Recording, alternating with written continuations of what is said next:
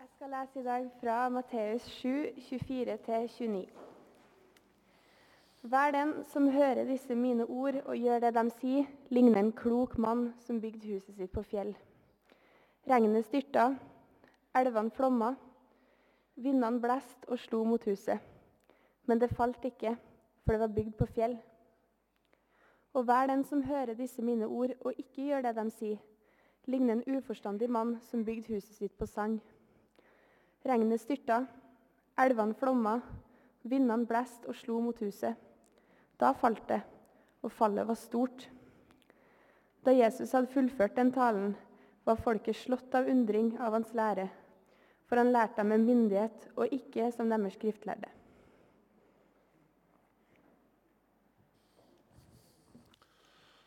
Dette er avslutninga av bergpreika. Jesus sin kanskje aller mest berømte, kjente tale. Og Det som var reaksjonen etterpå, det var jo at folk var slått av undring over det han sier. Det var noe annet det Jesus kom med. Noe med myndighet. Ikke sånn som deres skriftlærde står det. Jeg vet ikke, når du leser Bergpreika, hvordan du opplever denne talen.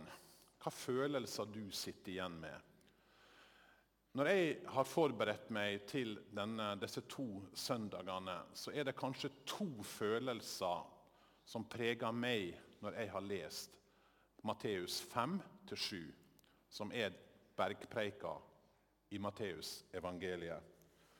Og Den ene følelsen er en slags oppgitthet, hvis jeg skal være ærlig. Og Den oppgittheten er jo over mitt eget liv. Hvor stor avstand det er mellom det livet jeg lever, og det livet som Jesus beskriver i bergpreika. Ikke sant? Det virker nesten som om Jesus snakker til andre slags mennesker enn deg og meg. I alle fall meg virker som han snakker inn i en annen tid, inn i en annen virkelighet. Ikke til oss i vår hektiske og kavete hverdag. Elske sine fiender, ikke dømme, tilgi, leve i bønn og faste. Ikke tjene mammon. Hvis noen vil saksøke deg så, og ta skjorta di, så la han få kappa di også. Masse Jesus forkynner om og lærer om, som virker så fjernt fra kanskje min hverdag og mitt liv. Og når han snakka om etiske spørsmål, så skulle vi jo tro at Jesus han var jo snill. ikke sant? Han var kjærlighet. Så når han skulle snakke om de ti bud, så ville han si noe sånn som dette her. Ja, dere vet, Moses han var jo ganske streng. Han ga dere de ti bud. Men jeg er jo snill og barmhjertig og kjærlig. så jeg skjønner jo, det er ikke så farlig. Var det det Jesus sa? Vi leser bergpreika og hva Jesus sier, så blir vi nesten slått av undring, vi òg. For hva sier han? Dere har hørt det jeg har sagt til forfedrene. Du skal ikke slå i hjel. Det er et av buda, ikke sant? Den som slår i hjel, skal være skyldig for domstolen. Men jeg sier dere, den som blir sint på sin bror, skal være skyldig for domstolen. Og Den som sier til sin bror 'din idiot', skal være skyldig for det høye råd. Og den som sier 'din ugudelige narr', skal være skyldig til helvetes ild. Det er som om Jesus sier 'Moses, ja, men ikke bare at du ikke dreper, men hvordan er hjertet ditt?' Og hva med Jesus sitt forhold til buda omkring sex og samliv og ekteskap? Ja, hva sier han? Dere har hørt det jeg har sagt, du skal ikke bryte ekteskapet, men jeg sier dere, den som ser på en kvinne for å begjære henne, har allerede begått ekteskapsbrudd med henne i sitt hjerte. Om ditt høyre øye lokker deg til fall, så riv det ut og kast det fra deg. For det er bedre for deg å miste én kroppsdel enn at hele kroppen blir kastet i helvete. Jeg skal ikke gå inn på disse tekstene her i og for seg. Det burde vi nok ha gjort. Det kan godt hende vi skulle hatt en temaserie om hele bergpreika som er litt mer grundig enn det det blir sist gang og i dag. Men det er et eller annet med Jesus. Han innskjerper på en måte Det som vi sier kanskje er enkelt. Ja, jeg har ikke brutt ekteskapet. Så sier Jesus jo, hvordan er det med hjertet ditt, begjæret ditt, tankene dine? Så det er nesten sånn at vi tenker er dette mulig? Er dette her er det realistisk? Hva er det Jesus sier? Og Noen tenker denne kristendommen kan ikke være for meg, for dette er jo over emnet. Det er ikke noe jeg klarer. Så Det er nok den ene følelsen. og Jeg tror kanskje du sitter her også med den, litt av den samme følelsen. Dette er jo langt fra mitt liv. Den andre følelsen jeg hadde når jeg leste Bergpreika nå, i forbindelse med disse talene, det er jo denne. Det er en slags lengsel etter et sånt liv som Jesus beskriver. Tenk om mitt liv kunne ha vært sånn om jeg kunne være en sånn person som Jesus her beskriver. Tenk om jeg kunne tilgi de som har gjort galt mot meg. Tenk om jeg kunne bedt om tilgivelse hver gang jeg har såra noen. Tenk om jeg ikke bekymra meg for morgendagen. Ikke lå våken om natta og tenkte på ting som bekymra, med hus eller bil eller hva det måtte være. Barn eller barnebarn eller alt som vi ligger våken for. Tenk om jeg kunne sove i trygg forvissning om at Gud har kontroll. Tenk om jeg ikke samla meg skatter på jorda, men samla meg skatter i himmelen. En slags lengsel etter dette livet. Og Denne dobbeltheten den nevnte jeg også i sist preike. Når jeg trakk fram John Stott, presten og forkynneren, og forfatteren som sier om bergpreika at den har alltid hatt en spesiell tiltrekning. Den synes å pres presentere selve kvintessessen av Jesu lære. Den gjør godhet attraktiv. Den gjør våre egne liv til skamme. Den skaper drømmer om en bedre verden. Og jeg ser det, ja. Det gjør mitt liv til skamme. Så til skamme at jeg på nytt må vende meg til Jesus og si, 'Jesus, jeg makter ikke å leve sånn.' Kan du tilgi? Kan du møte meg med din nåde? Og så skaper det også om en drøm. Den gjør godhet attraktivt. En drøm om en annen verden, et annet slags liv. Og jeg tror da er vi ved ei kjerne her. Når du leser om Jesu liv, hva slår deg da? Ja, jeg har prøvd å trekke ut noen ting fra Jesu liv. Han var ikke stressa. Har dere lagt merke til det? virka som han ikke var stressa, at han levde i ro og harmoni. Han møtte alle med kjærlighet. Han behandla mennesker med respekt, om de var lavt eller høyt på rangstigen. Samtidig vågde han å konfrontere. Han var uredd og modig når han så urett og løgn. Han levde i pakt med naturen, med blomstene på marka, fuglene under himmelen, uten bekymringer han tilga sine fiender. Han strålte ut en fred og en trygghet. Og la meg, til, la meg legge til alt dette gjorde at folk flokka seg rundt ham. Så tenker jeg, Tenk om våre liv hadde vært sånn. Hvordan hadde det vært hvis dette var ditt liv som så sånn ut? Og Da er vi litt ved kjerna og grepe det som er hele poenget. At Jesus kaller disipler den gangen og i dag til å følge seg for å være hans elever. Ikke fordi han trengte arbeidskraft. Ikke fordi han ville berge dem for himmelen en eller annen gang i framtida. Han ville jo det også, sjølsagt. Nei, han kalte dem til å følge seg for å bli lik seg sjøl. For å bli sånn som han. Det var det en rabbi gjorde. Kalte disipler for å bli som han. Det står i Romerne 8 om Guds plan for deg og meg. Den som han, Gud, på forhånd har vedkjent seg, har han også på forhånd bestemt til å bli formet etter sin sønns bilde. Tenker du at det er Guds plan med ditt liv? At Gud som altså elsker deg og kjenner deg, har en plan om å forme deg etter sin sønns bilde.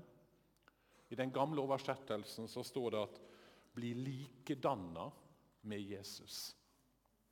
Her er det ei djup sanning.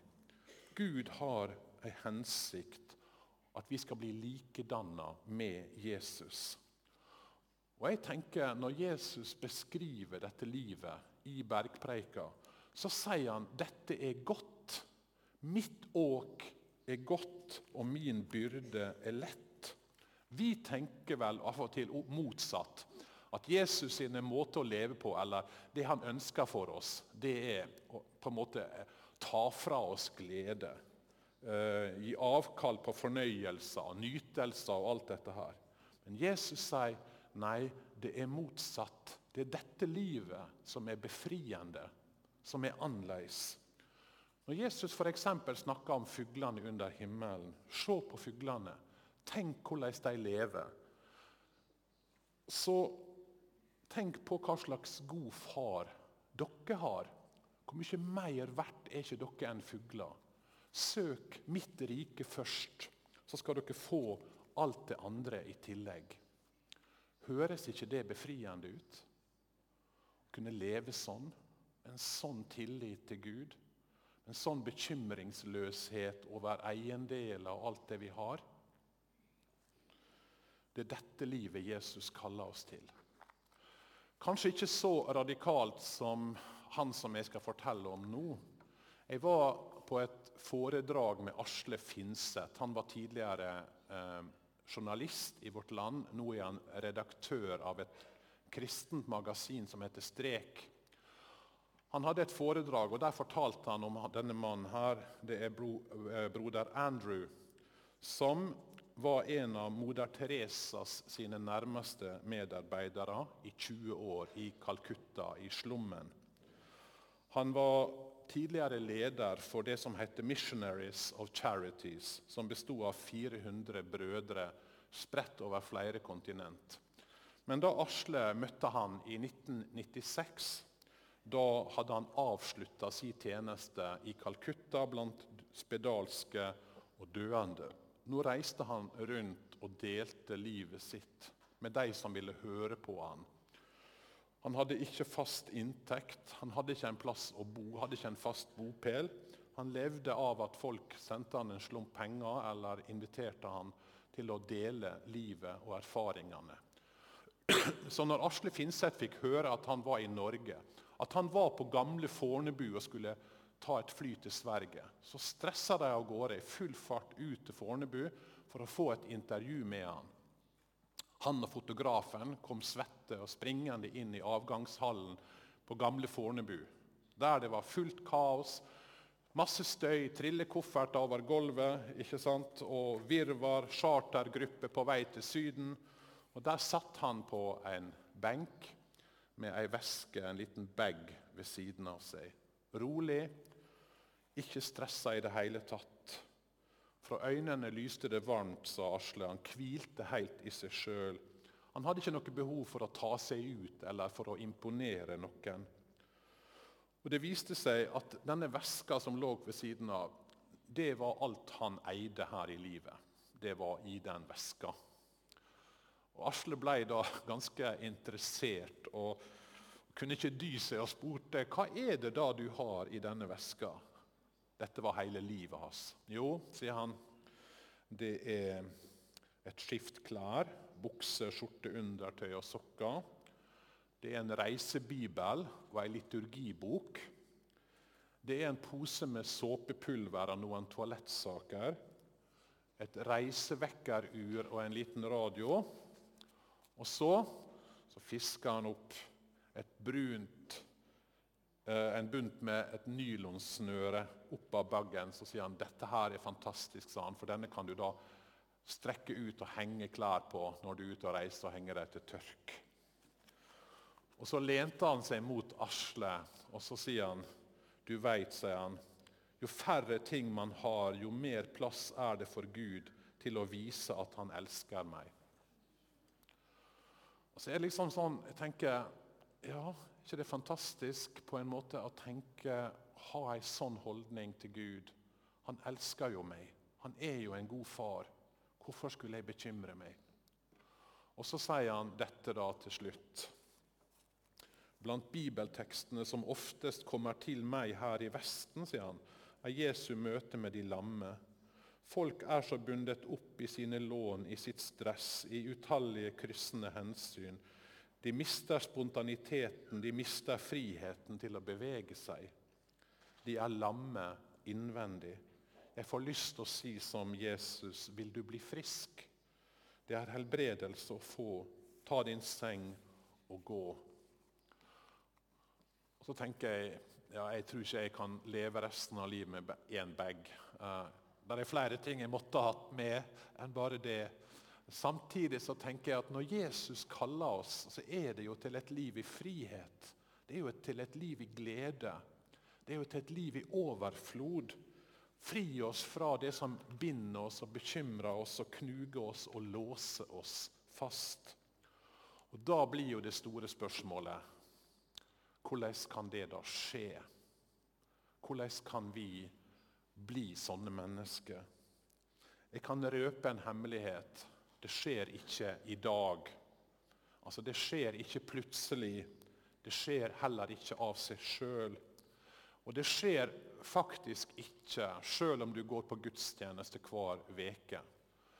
Tenk deg Jesus samla disiplene rundt seg. Så hadde han en halvtimes undervisning, og så ba de en halvtime. og Så sier han ja, takk for i dag. Møtes om ei uke, da. Og Så sier Matteus nei, om ei veke, nei, da skal jeg til Jerusalem. Du vet den turen vi hadde planlagt, så da kan ikke jeg. Og Så sier Jesus ja, om to uker da, da møtes vi til en ny undervisning. Nei, sier Peter, det er jo den helga svigermor er 50 år, og da kan ikke vi. Var det sånn Jesus hadde det? Samla dem en gang i uka til en halvtimes undervisning. Han levde sammen med dem. Det han gjorde, gjorde de. Det han så, det delte han med dem. De delte livet. Og så forma Jesus deres liv mer og mer lik han. Vi leser Bergpreika, og så tror jeg noen av oss tenker jeg må skjerpe meg, jeg må ta meg sammen. Og det er feil svar. Det er feil svar. For du kan skjerpe deg så mye du vil. Du blir ikke forandra på den måten. Så hva er det som er da svaret? Jo, svaret er at dette handler om det Gud gjør, og så handler det om noe vi gjør. Jesus han sa at 'uten meg kan dere ingenting gjøre'. Og det er sant. Det er han som må forandre oss fra innsida.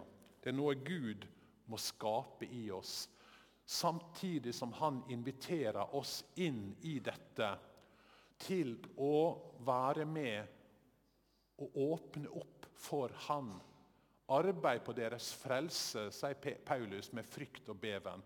Og Da sier han ikke 'arbeid for å bli frelst'. Nei, han sier når dere nå er frelst, når dere har tatt imot Jesus, når dere har trodd på Han, så lev da et liv som er nært Han, der Han kan slippe til med sitt verk i deres sitt liv. Og Bergpreika forteller oss hvordan det livet ser ut. Gud vil forme oss. Og jeg har en tanke om, som jeg kommer til å dele mer om, at åndelig vekst, det å bli lik Jesus, kanskje handler om tre forskjellige ting. At det handler om at dette er et verk Den hellige ånd må gjøre. Han ønsker å forme oss, omskape oss. Og Det er mange måter Den hellige ånd virker gjennom. Eh, virker på oss når han skal få forme oss. Gjennom at han viser oss vår synd, så vi kan legge den av. Gjennom at han viser oss mer av hvem Gud er gjennom Bibelen, når vi leser i den, gjennom at vi kan be for hverandre. Vi kan ikke overvurdere at det er Den hellige ånd som må skape dette livet i oss. Og vi trenger å åpne oss for Han. Vi trenger å åpne oss for Den hellige ånd. Når vi har forbønn etter hver gudstjeneste, så er det selvsagt for at vi skal få lov å legge av bekymringer. Men det er også fordi at vi skal få lov til å be for hverandre. Gud, fyll oss med din Hellige Ånd. Fyll oss og omskape oss mer og mer så vi blir lik Jesus. Hvis du tenker jeg kunne ha tenkt meg forbønn, men jeg vet ikke helt hva jeg skal be om, så vil jeg ha sagt det én bønn alltid du kan be om, og det er Gud, fyll meg med din ånd. At noen kan legge hendene på deg og be for deg. Ja, det er en måte å åpne seg opp for Den hellige ånds verk. Når vi har gruppe sammen, be om at Den hellige ånd må få fylle oss, prege oss, forvandle oss, så vi blir mer lik Jesus. Men dette alene kan ikke forandre alt. For Bibelen snakker om at eh, vi må gjøre også noen ting for å åpne opp for dette her. Eh, I eh, Kolosserne 3, 9-10 så skriver Paulus om dette. Dere har lagt av det gamle mennesket og dets gjerninger og kledd dere i det nye mennesket, det som stadig fornyes etter sin skapers bilde og lærer ham å kjenne. Hvordan legge av det gamle og ikle seg det nye. Hvordan bli mer kjærlig. Hvordan leve mer bekymringsløst osv. Det er en grense for hva vi kan ta oss sammen for å gjøre. For å ta et bilde som flere har brukt. Hvor mange her, hvis vi nå etter gudstjenesten sa det er maratonløp herfra kirka. Hvor mange hadde kunnet sprunget et maraton opp med ei hånd? Bare for å se. Hvem hadde sprunget en maraton hvis dere måtte? Kom igjen. Ja, nei, ja, det er flere. Kom igjen. Dere er unge og spreke. Ja, to bare. Ja, kanskje noen som ikke er helt tør. De tror de kanskje de må bevise det etterpå. Det skal dere slippe. Kunne jeg ha klart det? Jeg tror stemninga hadde vært nokså negativ til det. Hadde jeg klart det hvis jeg virkelig tok meg sammen og prøvde så hardt jeg kunne? Nei, det hjelper ikke å prøve så hardt du kan å ta deg sammen. Men hvis jeg hadde lagt meg i trening og trent kanskje ti minutter i dag, et kvarter i morgen, så hadde jeg kanskje om to år, når vi kom til mai om to år, så kunne jeg ha sprunget maraton. Vi undervurderer jo alltid det vi klarer med å trene, og vi overvurderer det vi klarer med å ta oss sammen. Det gjelder på alle plan i livet. Paulus han sier at vi skal øve oss i Guds frykt. sier han. For kroppslig øving er nyttig til noe, men gudsfrykten er nyttig til alt. Den har i seg løfte både for dette livet og for det som kommer. Paulus sier 'øv dere i Guds frykt'. Hva vil det si? Hva betyr det med åndelige øvelser? Jo, det betyr f.eks. ta med dere denne bibelleseplanen som vi har fått tak i. Hver dag et lite stykke som du kan lese, og forslag til andre tekster. Gjør det til en vane å lese Bibelen hver dag. Jeg har delt ut når dere kom i dag, eh, et dobbeltsidig ark som heter 'How to live one day with Jesus'. Det er en som heter Dallas Willard, som har vært en av foregangsmennene til å tenke omkring dette med åndelige disipliner, åndelige øvelser. Og Hans tanke er jo at åndelige øvelser det skjer ikke på søndagen. Det skjer på mandag. Hvordan ville livet ditt være hvis Jesus nå i dag sa i morgen så vil jeg tilbringe dagen sammen med deg. Rent sånn fysisk. Han kom, satt ved siden av deg når du kjørte på jobb. Hadde du kjørt på en annen måte i trafikken hvis Jesus satt i passasjersetet? Hadde du snakka til familien din på en annen måte hvis Jesus var i stua? Hadde du spist middag på en roligere måte hvis Jesus satt rundt bordet? Kort sagt, hvordan hadde livet ditt vært hvis Jesus fysisk sett var sammen med deg. Det var jo det disiplene opplevde, at de fikk leve sammen med ham. Og Her er Dallas Willard sin tanke om hvordan leve en alminnelig dag der Jesus er der sammen med deg. En liten hjelp til hvordan vi kan tenke åndelige øvelser. Det tredje, som har allerede kommet opp her på skjermen, det er motgang og prøvelser. Det er litt merkelig, kanskje. Jo mer jeg har tenkt på det, så er jeg sikker på at her er det en hemmelighet. I den gamle kirkebønna så ba vi i Den norske kirke så ba vi alltid 'Du oppdrar oss for ditt rike med kors og trengsel'. En tanke om at Gud oppdrar oss gjennom det vanskelige. Og Der er det en som heter eh, John Ortberg, som forteller i en av sine bøker en undersøkelse som ble gjort om kristne. Hva var det som hadde hatt mest betydning for deres åndelige vekst, det å bli mer lik Jesus. Og Det svaret som kom på topp, det var dette. Motgang og prøvelser.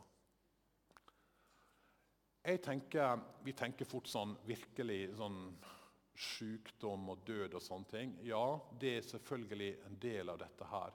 Men kanskje den type motgang og prøvelser som er litt vanskeligere å få øye på.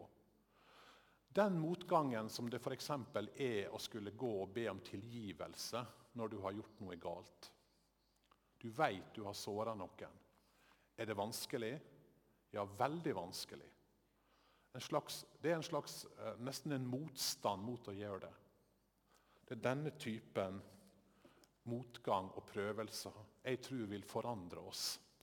Jakob, bror til Jesus, han sier se det bare som en glede når dere møter alle slags prøvelser. For dere vet at når troen prøves, fører det til utholdenhet. Når trua prøves, så fører det til noe. Jeg skulle tro at han sa når dere møter prøvelser, så prøv å unngå dem. Men det er ikke det han sier. Se det som en glede.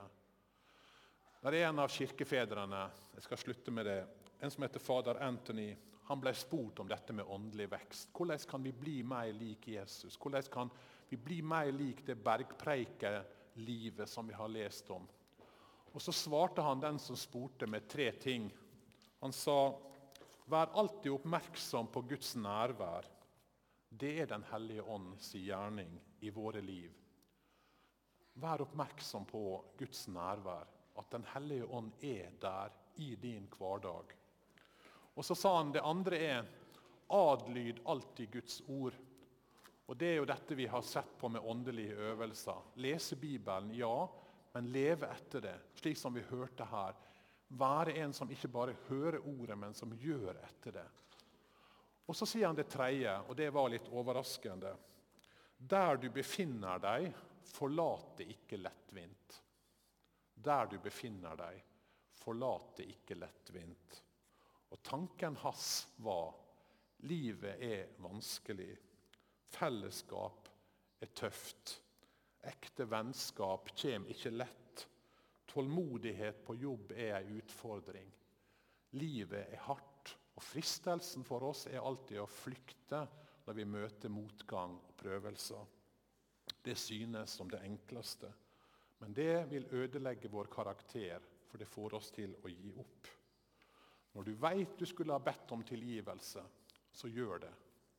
Når du veit at du skulle ha tatt opp ting som hindrer deg i å følge Jesus, så gå og snakk med noen om det. Når du veit at du trenger forbønn, at Jesus må fylle deg, ja, så ta stega ned til de som sitter og venter og vil be for deg. Når du veit at det er uoppgjorte ting i livet ditt som hindrer at du blir lik Jesus, så gå til skriftemål og bekjenn det. Det høres vanskelig ut, det høres kjempetøft ut, men det er nettopp gjennom å gjøre det at du vil vokse, forandres, bli mer lik Jesus. Bergpreika begynte jeg med 'Det gjør våre liv til skamme'. Kanskje ser vi gjennom bergpreika enda tydeligere. Vi trenger Jesu nåde. Vi trenger hans tilgivelse på nytt og på nytt. Også denne søndagen. Og Samtidig utfordrer Jesus oss ved å vise godhet som er attraktiv. Og så inviterer Jesus oss inn i dette livet til å følge seg, til å lære av Han. Fordi han ønsker at vi skal bli mer og mer lik Han her på jorda. Og En dag så skal vi bli lik Han fullt ut, sier han. La oss be. Jesus, vi trenger din nåde og tilgivelse for det livet vi lever, som ofte er så langt fra det som er det du ønsker for oss. Men du har kommet for at vi skal ha liv og overflod. Herre, kall oss inn til et disippelliv sammen med deg, der du får prege oss, forme oss, forandre oss, gjør oss mer lik deg. Det ber vi om i ditt navn.